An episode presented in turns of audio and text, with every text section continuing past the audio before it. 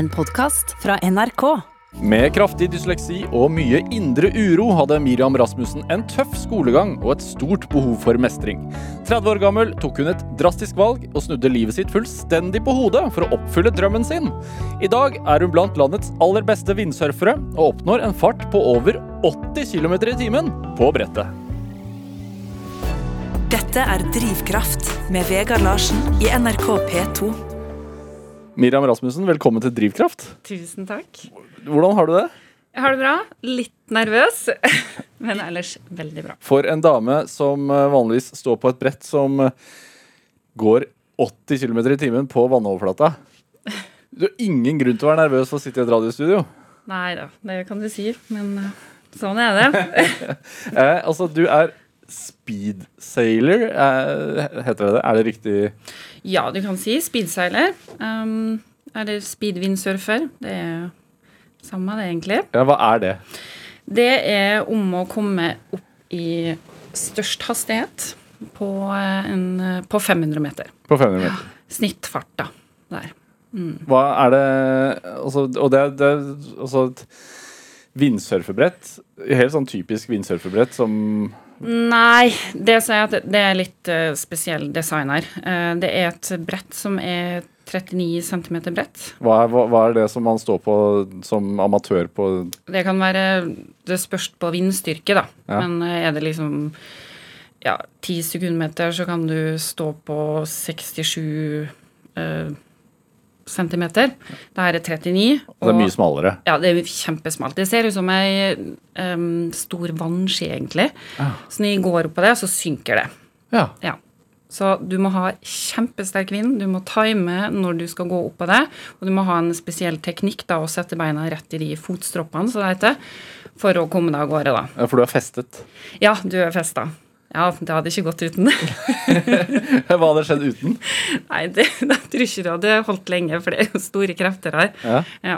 Og så eh, sa jeg altså eh, til Ekko rett før vi gikk på at du reiser til Namibia for å gjøre dette her, eller har vært der, du har vært der tre ganger. Ja. Hvorfor er Namibia det beste stedet for sånn speedsurfing? Eh, der har de laga en kanal som de har gravd ut i ørkenen. Eh, ja, det er ganske insane, egentlig. Uh, Ja, hvem er de? Altså, Det er det- dem som arrangerer det. Um, no, det har vært litt forskjellige arrangører. Nå uh, ja, var det en gjeng med gutter som liker å seile speeda, og så bare ja, samler de inn penger og har veldig høy avgifter da, for å delta. Det koster 12 000 kroner i uka å delta. Oi. Så det er ikke gratis.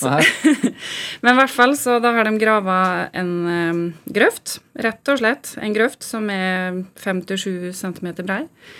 Uh, og da for at det ikke skal bli så mye bølger da når vinden kommer. Hvor brei sa du den var? 5-7 cm. Nei, eh, meter, unnskyld. Ja, 57 meter, ja. ja, ja. Ja. Jeg begynte å lure om det var ekstremt brettet vi fikk så vidt plass. Eh, og så kommer det veldig sterke vinder da fra ørkenen. Ja, hvor dypt er det der, da?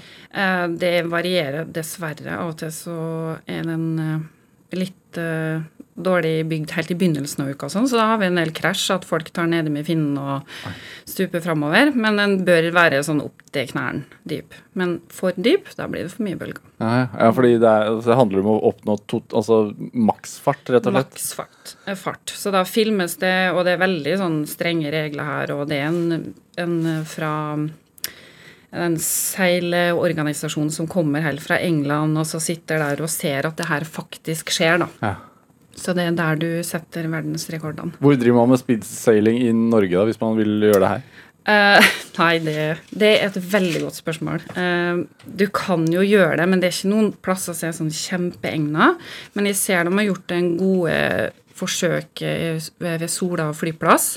Uh, der kan det på riktig retning og helt oppe med stranda der, da, kan du få til bra fart. Ja. Hvem, hvem er det som hvem er det som driver med dette? hvem er det som reiser til Namibia for å stå i denne kanalen? Um, I, da?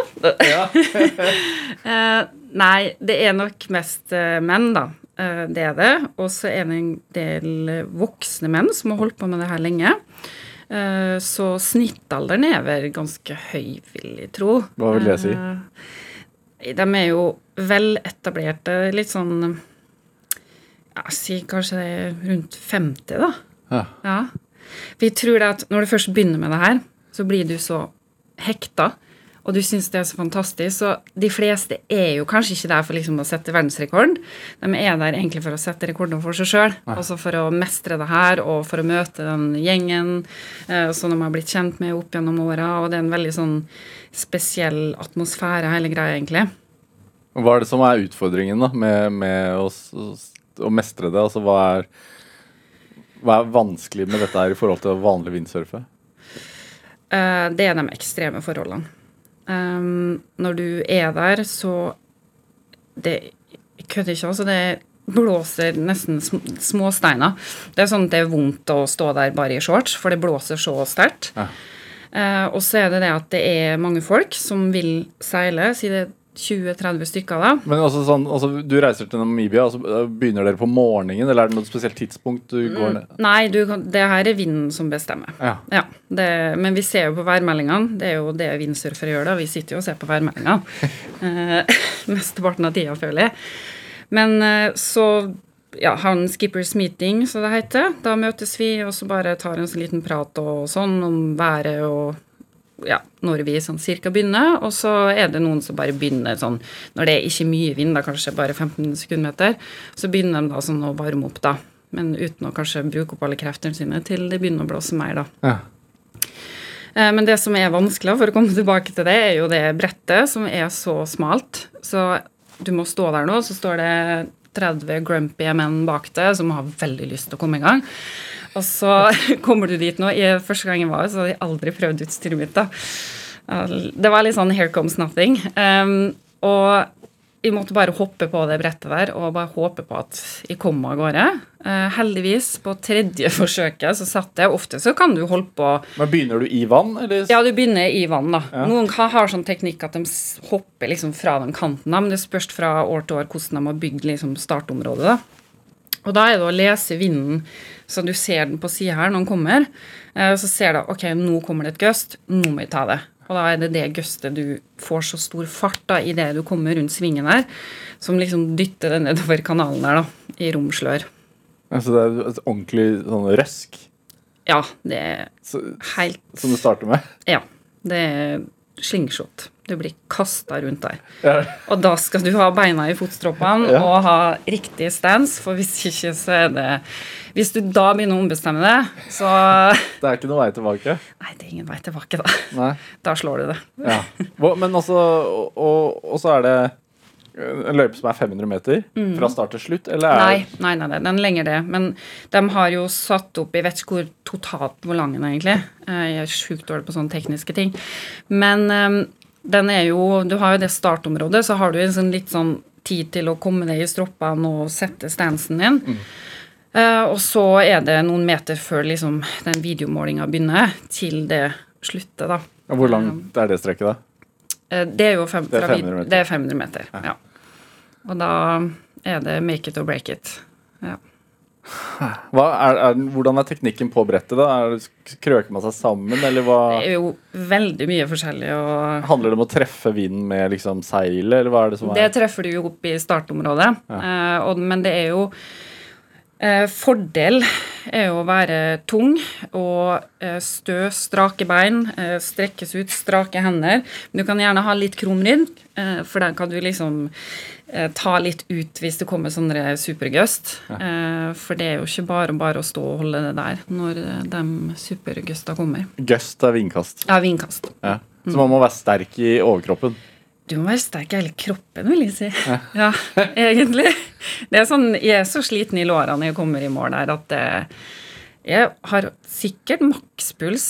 Ja, det har jeg. Ehm, det er jo litt adrenalin òg, da. Eh, for det er jo rimelig heftig. Men jeg har makspuls fordi det er så mye krefter her, og du, må, du har et sånn statisk hold da, når du fyker nedover der.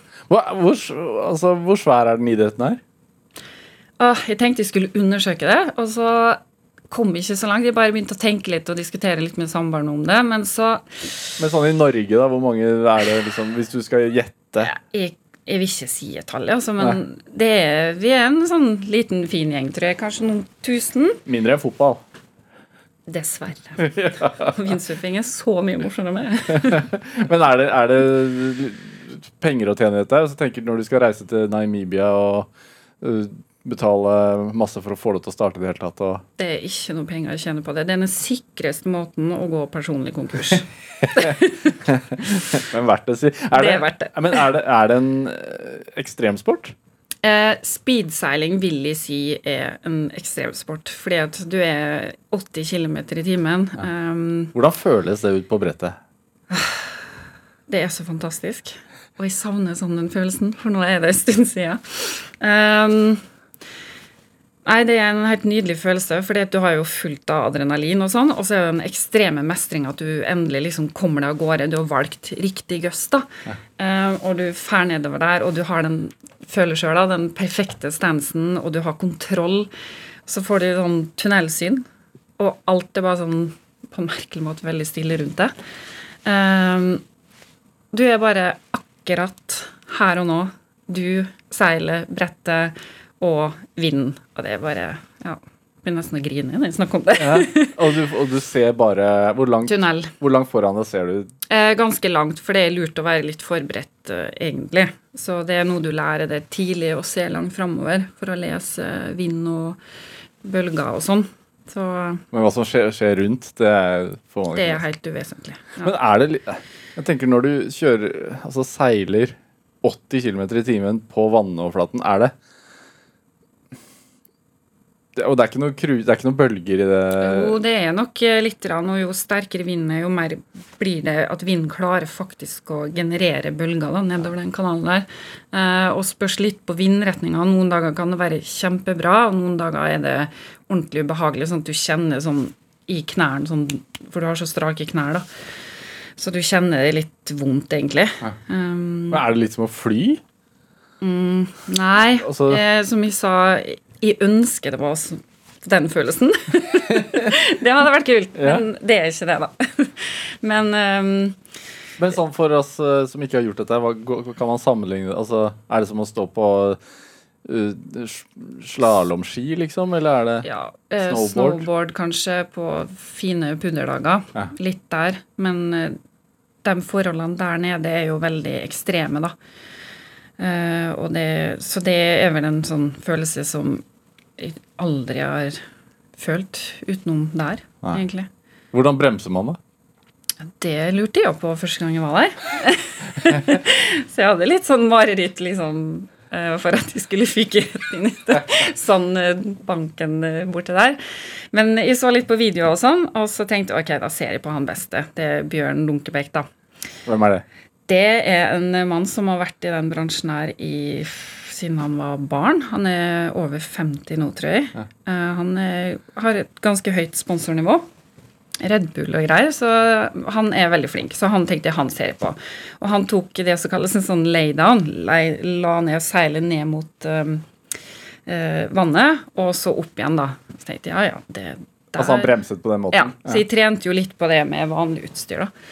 Uh, Så det var jo greit nok. Men her er det jo et helt spesielt utstyr, og det er veldig viktig at du ikke eh, gjør noe feil, for da er det veldig grunt. Du kommer til å knekke alle beina dine, og utstyret kommer til å bare flyge.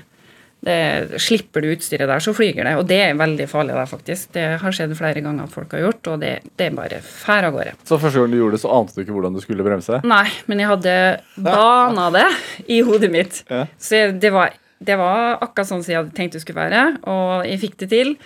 Eh, og heldigvis var det ikke den, liksom, den verste dagen jeg gjorde det på. Det var sånn grei vind, da. Men det er jo sterk vind. Og jeg kunne virkelig ha slått med halvt i hjel, men eh, Ja, hva skjer hvis man faller av, da? Mm, det ligger vel ute en video av meg som faller, og jeg bouncer bortover, heldigvis, som en sånn kaste... Hva er fiskesprett? Ja, På Ja. Sånn er det. Men da var jeg heldig, da traff jeg vannet. Dem som har Jeg har ikke sett noen krasjer i eh, de sandsekkene og sånn som ligger langs kanten her. Men det var jo bare snakk om kanskje 10-15 cm lenger opp, da, så hadde hodet mitt tatt den sandsekken, og da tror jeg vel den lille hjernerystelsen jeg fikk, da, den hadde blitt eh, mye større hvis de hadde overhodet ja, kommet velberga ut av det. Men er det sånn at når du skal stelle deg på denne smale brettet, da, og du veit at nå kan jeg oppnå en fart på 80 km i timen Du vil vel Altså, hvor fort er det du har lyst til å seile? Åh, tenk hvis jeg kunne ha konkurrert mot guttene, tenker jeg. Det er litt urealistisk. Men um, nei. Uh, 90, da. 95. Altså, du har jo pika på det, for det her er snittfart, da. Bare så det er sagt. Så da jeg krasja, så var jo jeg oppe i 45 knopp. Nå er jeg ikke så god i hoderegning, men eh, det er jo godt over eh, 80 km i timen. Ja, for da kom jeg rett rundt eh, den slingshoten, og da har du mest eh, fart. Er, altså, det, er, det er enkle spørsmål. For hvis jeg kjører 80 km i timen eller 90 km i timen i bil, så tenker jeg sånn Faller jeg ut her nå, så er det, det er vondt. Eh, men er, er, du, er man redd for å altså, Er du redd for å dø når du gjør dette? Nei, Nei. det er ikke. Og jeg er kanskje, kanskje jeg er litt dum, da, men eh, jeg har ikke den konsekvenseanalysen. konsekvensanalysen. Den tar ikke. Og hadde jeg gjort det, så hadde jeg hatt ingenting der å gjøre. For du kan ikke være redd for det. Nei. For begynner du å bli redd, så mister du teknikken din. Uh, og da konsentrerer du om feile ting. Eh, så for meg så var det her egentlig helt perfekt, fordi de har aldri tatt den konsekvensanalysen når jeg seiler, da.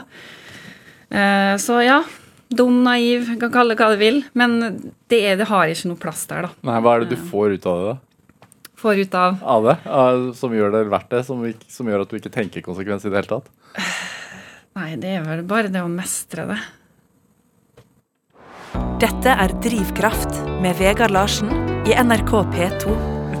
Og i dag er eh, landets beste kvinnelige vindsurfer Miriam Rasmussen her hos meg i Drivkraft. Altså jeg sier kvinnelige. Eh, du har slått av en mann på fart, er du ikke det? Ja. Ja. Én fyr? Én fyr. Hvor, my hvor mye er det snakk om? Nå, så nå kan det hende at de får masse hate-mail her, og hvis de sier feil, men jeg tror det er sånn 0,05 eller 0,5 eller noe sånt. Det var irriterende lite. Veldig irriterende lite. Hvor lenge, hvor, hvor, hvor, lenge, hvor lenge skal han få lov til å, å ha den rekorden? Nei, han skal få lov å kose seg med den litt til. Ja. Ja. Eh, men altså eh, Du er fra Molde. ja, Eh, det hører man jo. det håper jeg. At Hvor- jeg ikke mista dialekta mi. Hvor, hvor i Molde? Eh, jeg kommer fra Kleive, lita bygd utafor eh, Molde. Hvordan er det å vokse opp på Kleive? Å, det er fint her. Hvor mange er det som bor der? Nei, kjære. Det veit jeg ikke. Nei, det er nå noen hundre, da. Veldig hyggelig. Jeg var innom der nå nylig. Jeg skulle på sopptur eh, der jeg vokste opp, da, i og barndomsvenninna mi. Og der møter jeg da eh, også ei barndomsvenninne. Så det ble liksom sånn stående og pople, og så ser jeg hun har jo fortsatt født og oppvokst der, og bor der fortsatt. Og hun kjente alle, da. Så jeg kan tenke meg det være der, bo der eh, fra du er født til du liksom blir eldre og sånn, være veldig koselig. Ja. For det er sånn inkluderende, og alle snakker med hverandre, og Trygt. trygt og godt. Ja, hva slags plass er det? Um, hva du tenker på plass, liksom? Nei, jeg har aldri vært i Kleive. Hvis du skulle fortalt meg Det, er, fortalt det har verdens fineste fjell rett foran seg, uh, som heter Skåla. Som jeg, jeg bruker å kalle fjellet mitt, men det har jeg skjønt at alle andre også gjør der. uh, og det er sånn uh, der vi eh, Ja, jeg har vel hatt fire-fem turer opp der nå, og jeg skal nok opp dit i høst også. Eh, Kjempefint eh, fjell, sånn 1200 meter eller noe sånt. Eh, fin fjord. Går man opp, eller klatrer man opp? Eller? Går. Ja. Mm. Eh, og så fin eh, fjord, eh, og ja, nei, det er et veldig fint sted. Hva, hva slags Altså, du vokste opp der. Hva drev moren og faren din med da, da du var barn? Eh, de er utdanna hjelpepleiere, så de jobba jobber på det lokale lokale, si, eh, psykiatriske sykehuset på Hjelset. Eh, noe som jeg føler nesten alle har gjort, da. Eh, og jeg har også jobba der, når jeg ble gammel nok til å jobbe der, sjøl om jeg var ufaglært. da. En slags hjørnesteinsbedrift, nesten? Ja, nesten det. Og det mest sykeste av alt er jo det at vi var jo der på julebord eh, med mine foreldre og pasientene. Og, så liksom, jeg kjente jo alle de psykiatriske pasientene som var innlagt der, og så er det ikke alle, det var jo overdrevet, men det var liksom på hils, og der er han, og så den taushetsplikten den var kanskje ikke så viktig, da, men det som var viktig, var det at det var Du ble sett, da? Ja, du ble sett, og det var et uh, fint samfunn, og det blei liksom ikke en sånn stigma, det å være innlagt der, tror jeg. Selv om det var kanskje det, men det var veldig koselig. Er det, var det et hjem, altså Har du vokst opp i et hjem som eh, handlet om ekstremsport? Nei, det vil jeg ikke si, uh, egentlig. Uh, de jobba jo mye, foreldrene mine, men de drev med hundeoppdrett og katteoppdrett. Uh, og så fikk jeg etter hvert hest. eh, så- Hundeoppdrett? Katteoppdrett? Hjemme? Ja. Oi. Ja, ja. Jeg bygde liksom kjelleren om til det, da, med sluk i, i gulvet og Men både katter og hunder? Ja. Nei, katt og hunder går fint sammen, dem, Ja. så lenge de er inne. Hvor mange er, er, det, er det snakk om da, da, når man driver med det? Uh, jeg tror- Er kjelleren full, liksom? Ja, men på, sånn, eh, på en bra måte, uh, hvis du skjønner. Og så mange hundene var jo inne i huset, og det var liksom store hundegårder og sånn. Uh, så, men det er jo sånn at når du har eh, hunder, så eh, kaller du for A, B, C-kull, da. Og jeg tror foreldrene mine har gått alfabetet veldig mange ganger, så de har hatt mye Oi. kull. Ja. Hva gjør det med en oppvekst å vokse opp med så mye dyr? Det er helt fantastisk. For jeg har jo måttet tatt imot eh, Når jeg var sånn 11-12 år, så måtte hun ta imot et helt eh, hundekull alene. Eh, Hva, hva, betyr, hva betyr det? Altså, at du er, du er med på fødselen? Jeg Du er, du er jordmor? ja, men da var jeg helt alene, for jeg tror det var et eller annet jeg måtte på noe jobb eller noe nattevakt eller noe sånt. Så da tok Men det, det var sånn ja, Men det her kan du nå, Miriam. Det her går bra. Husk å koke saksa. Så, ja, kokte i saksa og satt der og Hva gjør man med saksa? Da klipper du navlestrengen. Ja. Mm. For noen av de hundene var ikke så flinke alltid da, eh, til å rydde opp sjøl. Så da liksom deltok jeg veldig aktivt. da. Så det gjør noe med det. Du får eh, veldig godt forhold til dyr. Ja. eh, Og du får respekt for dyr, og, um, Blir ikke tid- og ja. selvstendig. Tidlig selvstendig. Ja, det blir det. Hæ. Er det Um, Jeg vet at du hadde dysleksi, eller du har dysleksi. Mm. Ja, den har ikke gått bort ennå. Nei, det er vel sånn man må leve med. Ja, men jeg vil jo si det at eh, jeg tenkte på det før jeg kom hit nå. Jeg tok jo en sånn test på ungdomsskolen. Mm, jeg leste aldri de papirene, og mamma holdt dem vekke fra meg. Eh, Og så sa hun nei, det her vil du ikke lese. Nei, for det var liksom ordentlig deprimerende. Det var sånn at de kunne ikke lære med engelsk, typ. Ja. Eh, men Ja, hva skal jeg si? Det gikk mye bedre, fordi at jeg hadde jo en arbeids... jeg gjorde en arbeidsinnsats. Jeg ga ikke opp. Kanskje lite grann, det skal jeg si, men det er noe med å møte riktige lærere. Eh, og da, hvis du jobber med det og ikke gir opp, og så, så kan det gå veldig bra. Og når jeg skriver nå, så er det veldig lite skrivefeil, egentlig. Og jeg kan engelsk. Men hvordan merket Altså, hvordan tenkte du, eller fant dere ut at, dere, at du kanskje hadde det? Eh, mamma sa det vel hele tida, men hun ble ikke hørt, for det var liksom ikke noe sånn vanlig. Um, så jeg gikk vel egentlig seks-sju år der jeg trodde jeg var dum.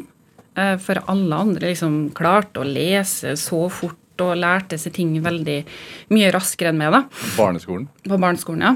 Uh, og mamma måtte liksom virkelig jobbe for å lære meg sånn enkle ting. Altså bare alfabetet var liksom eh, grining og hyling, nesten. Og de som kom på skolen, de kunne jo alfabetet allerede. Eh, men jeg husker jeg gleder meg veldig til å begynne på skolen, men det ble en veldig nedtur, da. Og der jeg egentlig ble litt sånn eh, nebbete og litt sånn bøllete, vil jeg si. Er ikke det naturlig? Jeg tenker jo det er det. Ja, jeg tenker det også. Det var sånn forsvar. Ja. En sånn forsvarsmekanisme. Og for å liksom Så ingen skulle liksom ta med, da. For jeg var jo dum. Jeg følte meg jo kjempedum. Som ikke klarte å fullføre matteprøve engang. Ja, For, på grunn av altså Klarte ikke å lese hva som sto, rett og slett? Nei, det også. Så blir det vel en sånn ond sirkel der, da. Um, fordi at da føler jeg at du ikke mestrer, og så får du nerver, og så Ja, det var mye grining og snørr, altså. Det, på prøver som fikk veldig sånn prestasjonsangst til slutt. Tenker de andre barna at du er dum også? Jeg vet ikke, jeg tror ikke de turte det. Kanskje de tenkte det. Men eh, det kan godt hende at de gjorde. Men jeg var vel veldig sånn sjefete og tydelig, da. Så det var, du kunne vel ikke mobbe meg, akkurat. Nei. Ja. Jeg har vel heller ikke mobba dem. Ja. Ja. Gikk den veien. ja. Er det, er det altså sånn Dette var på åt- åt- slutten av 80-tallet.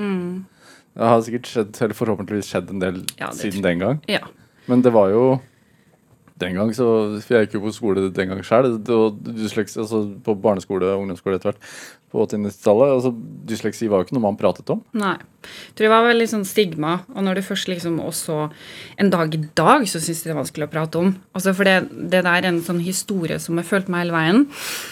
Eh, som er så Det er så vondt, da. Til og med nå når jeg var på høyskole, eh, så eh, skulle vi ha medisinutregning. Og da må du ha alt rett.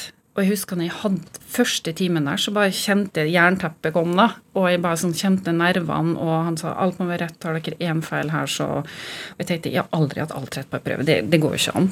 Det, det er jo helt umulig for meg å få til.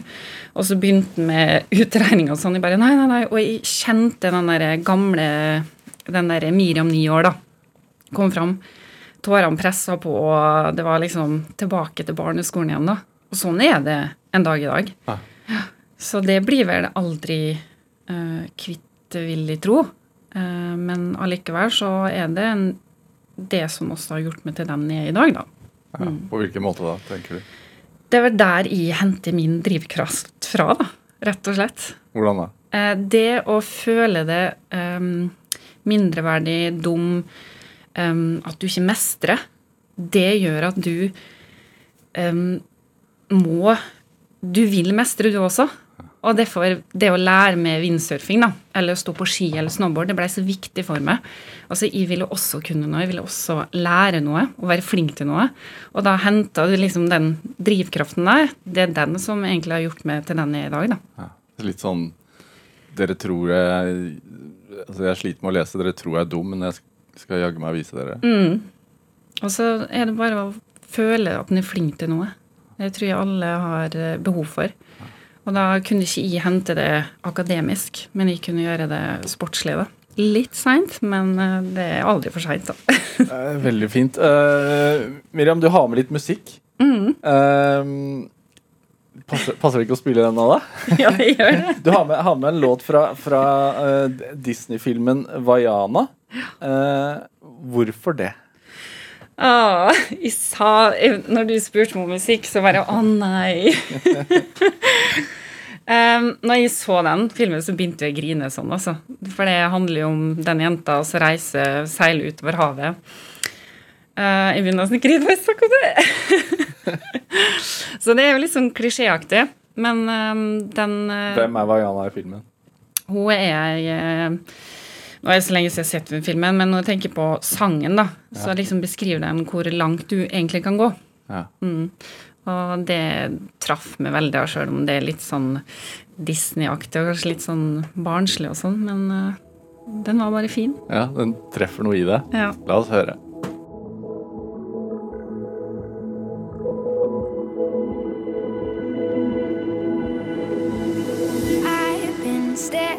At the edge of the water long as I can remember, never really knowing why. I wish I could be the perfect daughter, but I come back to the water no matter how hard I try. Every turn I take, every trail I track, every path I make, every road leads back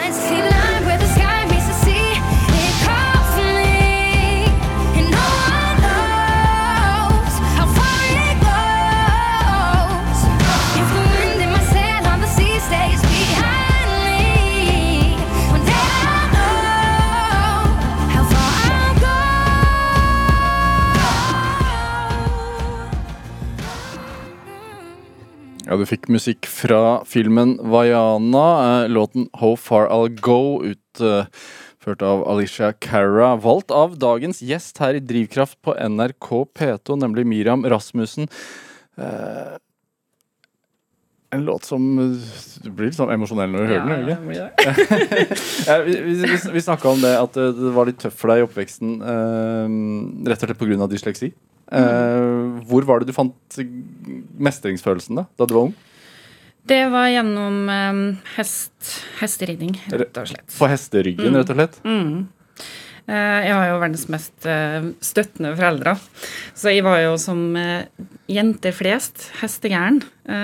Så det endte med at vi kjøpte hester. Og der brukte jeg vel egentlig all tida mi. Det var ikke på å lese, men det var å være ute i stallen, jobbe og ri, da. Ja. Og etter hvert eh, med sprangridning, da. De, Det- de, dere måtte finne noe som du likte siden skolen gikk ad undas, rett og slett? Mm.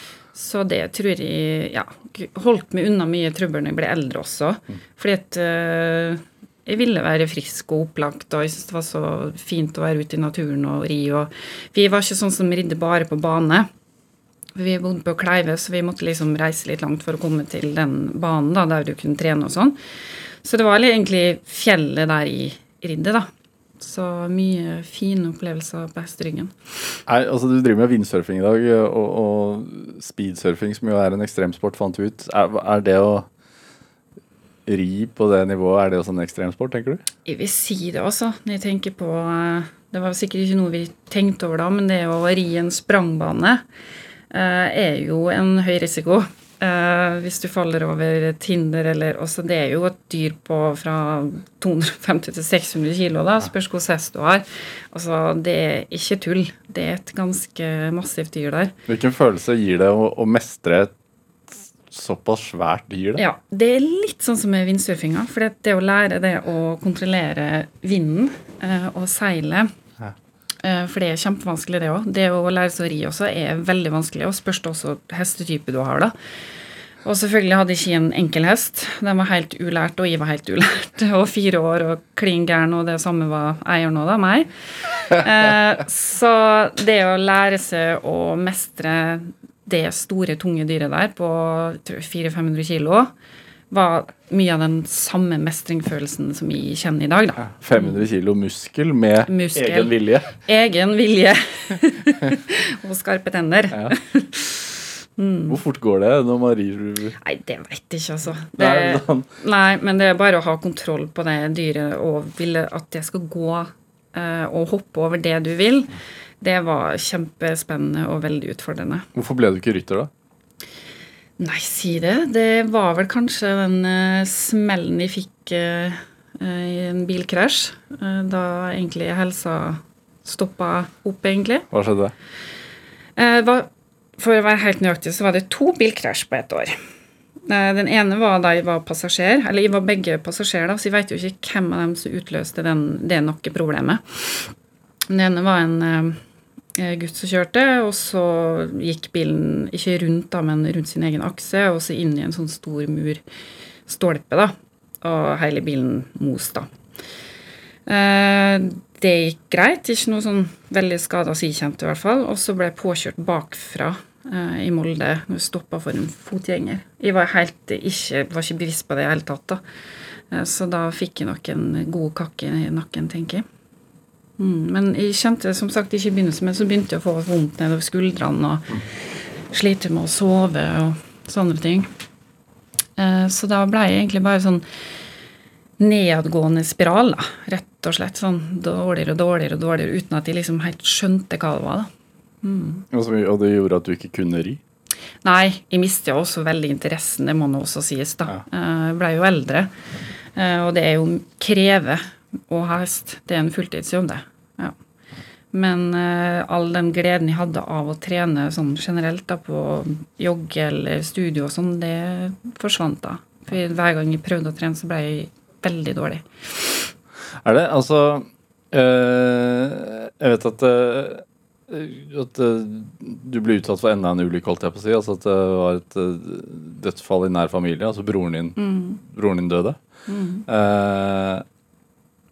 Hvordan eh, har det prega deg, tenker du?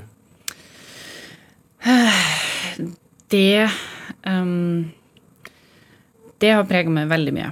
Eh, da, når noe sånt skjer, så er du jo helt i sorg. Altså, da er det jo to år, kanskje, av livet ditt der du sørger. Um, og da begynte jeg, når det skjedde Nå er jeg litt sånn på gråteren her. da begynte jeg å tenke veldig over egentlig livet mitt, da. For da hadde jo først den med bilkrasjen skjedd. Um, og jeg hadde liksom, ja Ikke noe idrett eller noen ting i livet mitt da, for jeg ble, var så dårlig. Og så døde han, og da um, eh, Hva skal jeg si Er det jo sorg. Og som med alle andre ting, da, så går jeg og bærer veldig mye. Jeg går og tenker mye, da. Og så tenkte jeg over de samtalene vi hadde. Eh, altså begge, Jeg har en bror til. Begge brødrene mine vi satt og snakka. Og, ah, vi skulle lære oss klatring og vindsurfing. Det var liksom det jeg drømte om. da, og Surfing og bli flinkere på ski og sånn. Og nå var han borte.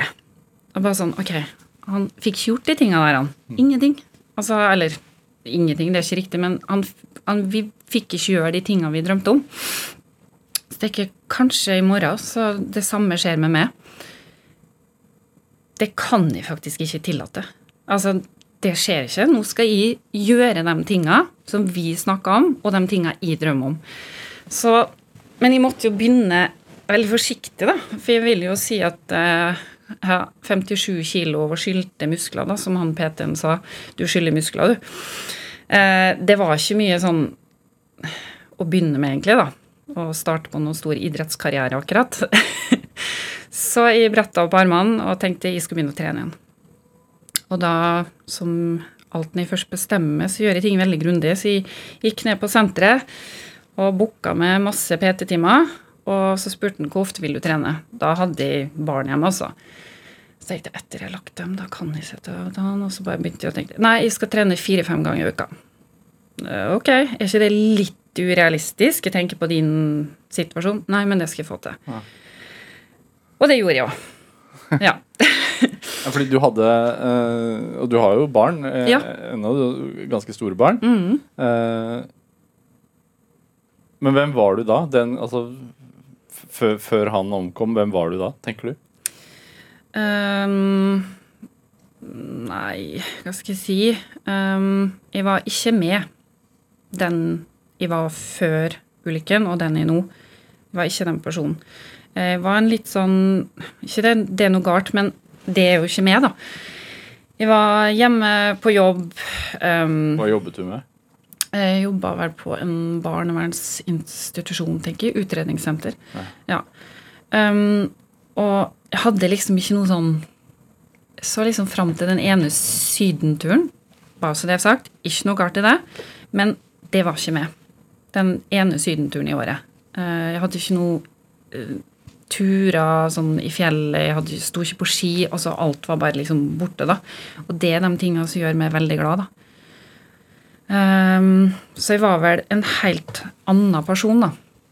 Og når jeg da satte i gang med uh, prosjekt Bygge meg opp igjen, så var jo jeg gifta med en, og han fikk jo sjokk. For hvem var den personen her? Altså hadde personlighetsforstyrrelse, liksom.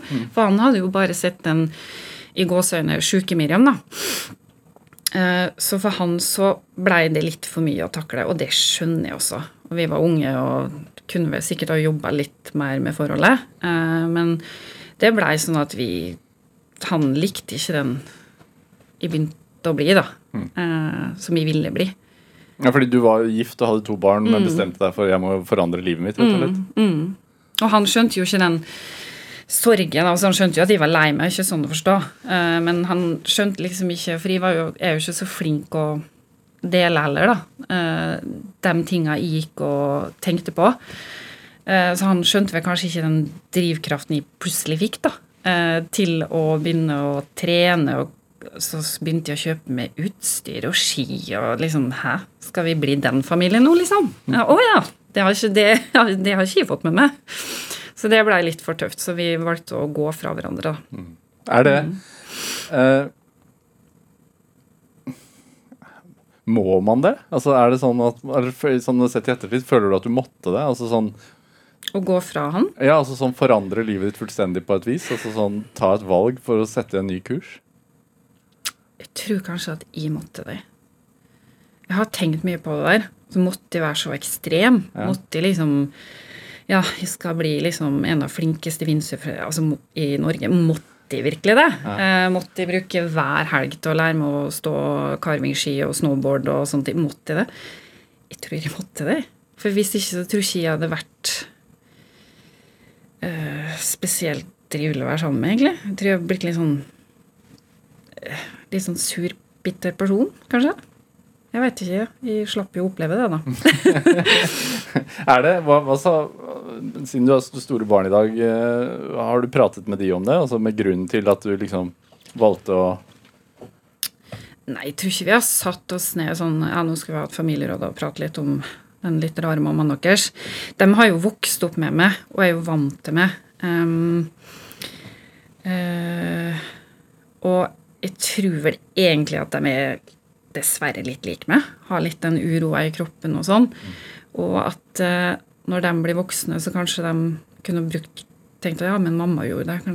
Kanskje jeg kan liksom holde på med litt ekstremsport, og så være sporty, da. Um, men akkurat nå i den alderen de er nå, så bare syns de sikkert at de er bare kjempeukule. Eh, det kan godt hende. Men eh, ja, jeg håper at hvis de kjenner Eller jeg vet jo de har litt sånn uro i kroppen, dem også. At de kan bruke meg som en god rollemodell, da, mm. når det begynner å livet kanskje butte imot. Men altså sånn det, øh, En av Norges fremste windsurfere i dag hun tok jo et, et veldig sånn stort, drastisk livsforandrende valg. Da er det hvis, hvis noen spør deg sånn, vil du, vil du, råde, vil, altså, vil du råde andre til å gjøre det samme som du gjorde?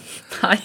Uh, um, nei, det er ikke noe jeg sier sånn til folk. Nei, det er bare å skille seg og slutte jobben og bare wow, go for it. Nei, det gjør ikke jeg. Ja, For du gjorde jo det. Du skilte deg og sluttet i jobben. Ja, det gjorde jeg. Um, men uten noe sikkerhetsnett. Det, det gikk jo bra med meg, men det har noe med hvordan type jeg er. Det var den der konsekvensanalysen igjen, da. som ikke jeg er så god på. Ja, for man tenker jo sånn Oi, 30-årskrise. Ja, men det var det jo, da. Hallo. Get real, liksom.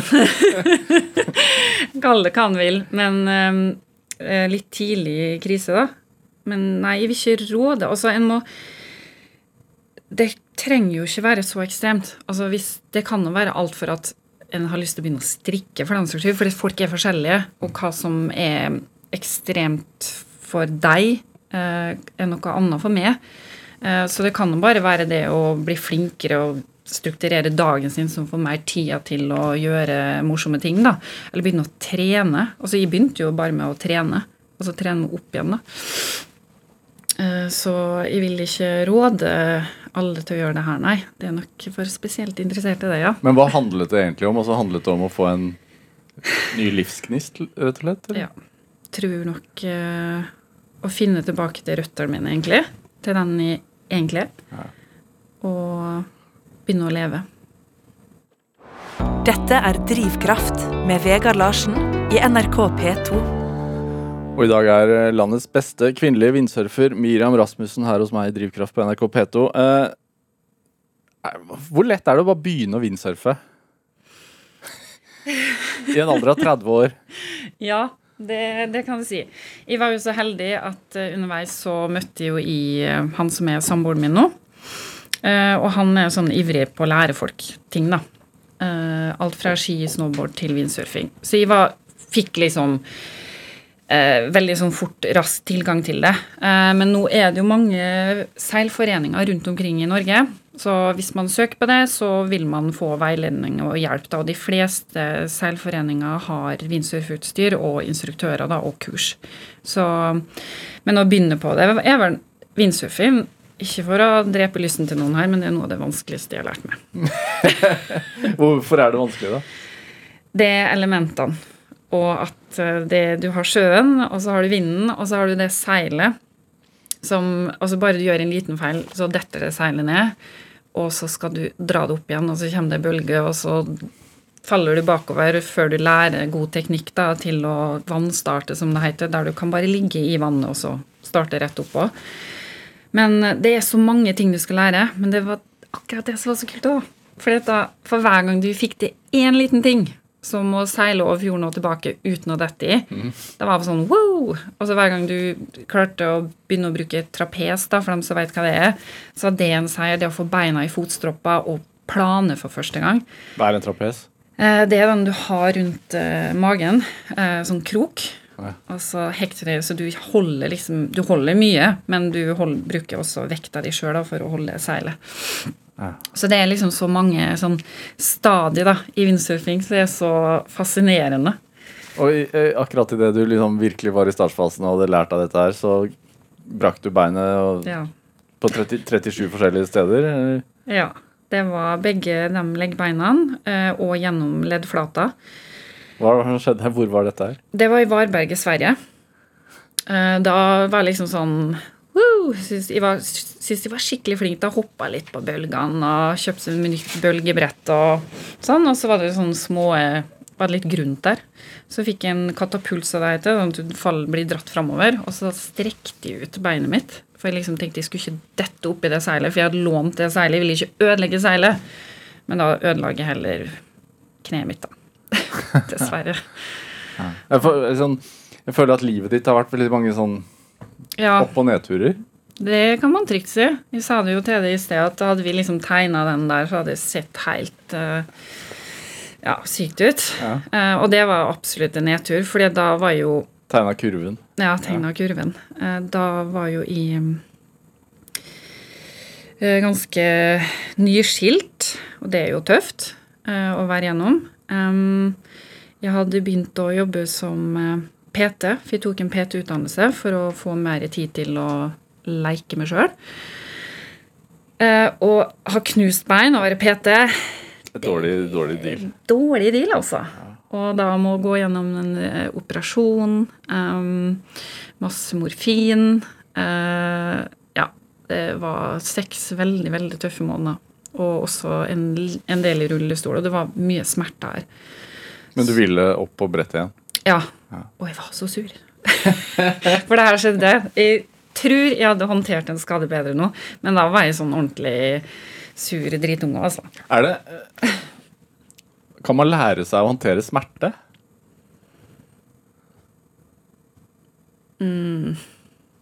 Ja, det handler jo om hva du fokuserer på, da. Ja. Og da var ikke jeg klar for det. Da var jeg bare i tylla mi inn i sånn selvmedlidenhet. Syntes veldig synd på meg sjøl. Var kanskje litt synd på meg. Men eh, jeg fikk jo Jeg har jo vært skada ettertid også, så er det noe med det å ikke fokusere på det som er vondt, og sånn er det også med andre ting, og det som er negativt. Eh, det hjelper jo veldig lite, da. Og og hvor viktig er det? Jeg tenker sånn, Og det, det gjelder vel både på indre og ytre plan, gjør det ikke det? Mm, Ja. det gjør det. Hvor, hvor viktig tenker du at det har vært i livet ditt, og, og det å faktisk mestre ting som folk sier er, for vanskelig? Altså jeg tenker Windsurfing, speedsurfing, det er veldig få damer som driver med. Mm, og vi fikk jo beskjed. Eh, jeg var jo på en sånn speed, første speed-eventet mitt i eh, Spania, så jeg husker ikke plassen. Og da var det noen gutter der, og så sa jeg at eh, Så var det noen utenlandske gutter som sa det at Vet du hva, du har bare sånn naturlig stance. Du må bli med til Namibia. Og så sier jeg det til de norske guttene som var der, og de reiste seg nesten i stolen. Nei, det må du ikke gjøre! Nei! De var sånn ordentlig bestemte da. Jeg var sånn ja, nå skal jeg i hvert fall gjøre det. Husker jeg det bare tenkte inni meg, da. Og ja, så det ja, jeg, Hvis noen sier jeg ikke kan, da skal jeg gjøre det. Hvor viktig, altså Jeg vet at uh, samboeren din i dag er, også fotograferer. Og har skjønt at, det var i hvert fall ett bilde som han tok av deg ganske tidlig, som, som har vært viktig i karrieren din. Ja. eh, Det er, et, eh, det er en artig historie bak det bildet der. Eh, Vi dro ned på Torkelstranda i Drøbak, og så var helt vindstille. Så rigga vi opp seil og brett og hadde noen paller og en lastestroppe. Og så tok vi på en bikini, splæsja litt sånn vann bare på med sånn. Og så én, to, tre, kasta på håret og smilte, og så tok han bilde. Hjem, photoshoppe det, pang, legge det ut. Eh, Det blei delt sikkert tusen ganger, og det var elsk og hat der, altså. Folk var ras, for det var ikke ekte. Du så jo at det var photoshoppa, men det var likevel et kjempefint bilde. Det var liksom nære på, du så liksom gleden, og du fikk liksom vist windsurfing. Eh, på én måte, men det syns folk var veldig mange da, var bare helt forkastelig. Men da var det noe som løsna, for folk eh, da hadde gjort veldig mye før det, men det hadde liksom ikke vært eh, masse fokus rundt meg som vindsurfer, da. Og ikke var egentlig spesielt flink eller da. Men da løsna det egentlig veldig i forhold til de eh, utstyrssponsorene da, eh, som produserte seil og brett, og de begynte å ta kontakt, da. Hvor, hvor viktig er det? Eh, For meg så var det jo viktig, for jeg hadde jo et liksom, Jeg har jo et behov Um, Og jeg vil Ja, jeg tror vi sier det fortsatt, og så få en sånn anerkjennelse at kjempebra, det her var bra jobba. Uh, vi vil ha det på teamet vårt. Uh, og det var ikke fordi de var så fantastisk flinke å seile da. Det var mer fordi at uh, han tok kjempefine bilder. Han plukka ut de riktige bildene eh, der de så bra ut. Hadde fin stil. Eh, og at ja, vi var litt sånn sultne og lagde rapporter og diskuterte utstyr og sånn. Og det var litt sånn nytt i den bransjen. Det var ingen andre som hadde tatt den plassen der, da. Så da krevde jeg egentlig den plassen. Tenker du at altså, jeg, tenker jo at du er et godt eh, bevis på at det liksom aldri er for seint. Ja. Er, er du enig? Ja. For jeg fikk jo litt sånn der eh, har jo fått litt hets og negativitet. Og da var det sånn Ja, men herre min, du er jo for gammel. Og det var sånn hva, Ja, hva skal du gjøre når du mister utseendet ditt, da? Ja, det verste som kan skje, er at jeg bare er dritflink å seile. Så ok. Ja, ja, fint, det. og det var det jeg alltid har sagt. Hva er det verste som kan skje? Jeg blir bare skikkelig flink å seile. Er det det som er, er det, altså Hvis du skal definere liksom drivkraften din, hva, hva tenker du er det? Eh, Det at jeg i så ung alder og i så mange år følte meg dum og ubrukelig, eh, og ikke mestra. Ingen mestring. Og så nå eh, liksom fant en sånn greie der jeg ville lære meg, som var såpass vanskelig, så vil jeg si at når jeg da mestrer vindsurfing, som var så vanskelig å lære seg, og er flink til det, så vil jeg si at den dysleksien da, har vært min drivkraft. Og det er jo, Jeg hata jo dysleksien min før. Bare så, Hvorfor er jeg født med det? Det er så urettferdig. Er det det man tenker? Ja, Ja. men den har gjort meg til den i dag. Og jeg kan egentlig takke og pris for den eh, dysleksien. For jeg måtte bare jobbe så mye hardere. Og det er en drivkraft som jeg har tatt med meg av det. da. Er det et sinne? Overhodet ikke. Ja, men sånn, så, sånn, Bruker man det, eller er det en Nei. stahet, eller hva er det? Stahet, tror jeg. Og det å gjøre ting ordentlig, ikke gi opp. Uh, fordi at uh, jeg har jo ikke gitt opp sjøl om jeg hadde dysleksi sånn skolemessig heller. Jeg måtte jo jobbe, men jeg måtte jobbe dobbelt så hardt uh, og sitte enda lenger enn andre. Og det har jeg jo tatt med meg inn i vindsurfinga, da, eller andre ting jeg gjør. Altså, jeg gir meg ikke. Tror du det er for andre som også unge da, som opplever at de har dysleksi, tror du det er at det er lett øh, å gi opp? Ja. Det tror jeg. Eh, fordi at du føler litt på det at det her var urettferdig. Ja. At de har fått det her. Eh, og så kanskje du lener litt på den. Så ser du på venninna di, da, som bare leser én gang, og så er ferdig med det, og så kan hun det. Mens du måtte liksom lese og lese og lese for å liksom overhodet komme gjennom teksten. Så det å lene seg på, tilbake til den 'Å nei, det er så urettferdig', og 'stakkars meg', og så tulles inn i det, det tror jeg veldig mange fort gjør. Eh, og jeg tror det er kjempeviktig at de har noen som bare forklarer dem det, og støtter dem og pusher dem litt, og ja, Ja. veileder dem litt. Men har du noe, altså Hvis det er noen som, som føler sånn at ja, jeg skulle gjerne forandret livet mitt, men jeg tør ikke helt. Hva vil du si til de? Begynn i det små. ja, og som vi av og til tenker sånn Ok, hva er det verste som kan skje? Og det med vindsurfinga, verste som kan skje Ja, jeg blei bare skikkelig flink. Så om vi liksom slutter nå med sponsorer og utstyr, og, altså utstyrssponsorene jeg har, da, så um, Altså, jeg sitter igjen med så mye opplevelser og masse merkelige, interessante, hyggelige folk jeg har møtt, så jeg ikke vil være foruten. Uh, Så jeg tror det at hvis man bare begynner i det små, begynner å rydde litt opp i grufse som er rundt seg, negative folk, så kan man få det til. Miriam Rasmussen, tusen takk for at du kom hit til Drivkraft. Mari Bø Trosterud researchet eh, dette programmet. Kjartan Aarsand var eh, dagens produsent. Eh, Jeg heter Vegard Larsen. Vi høres. Du har hørt en podkast fra NRK. Hør flere podkaster og din NRK-kanal i appen NRK Radio.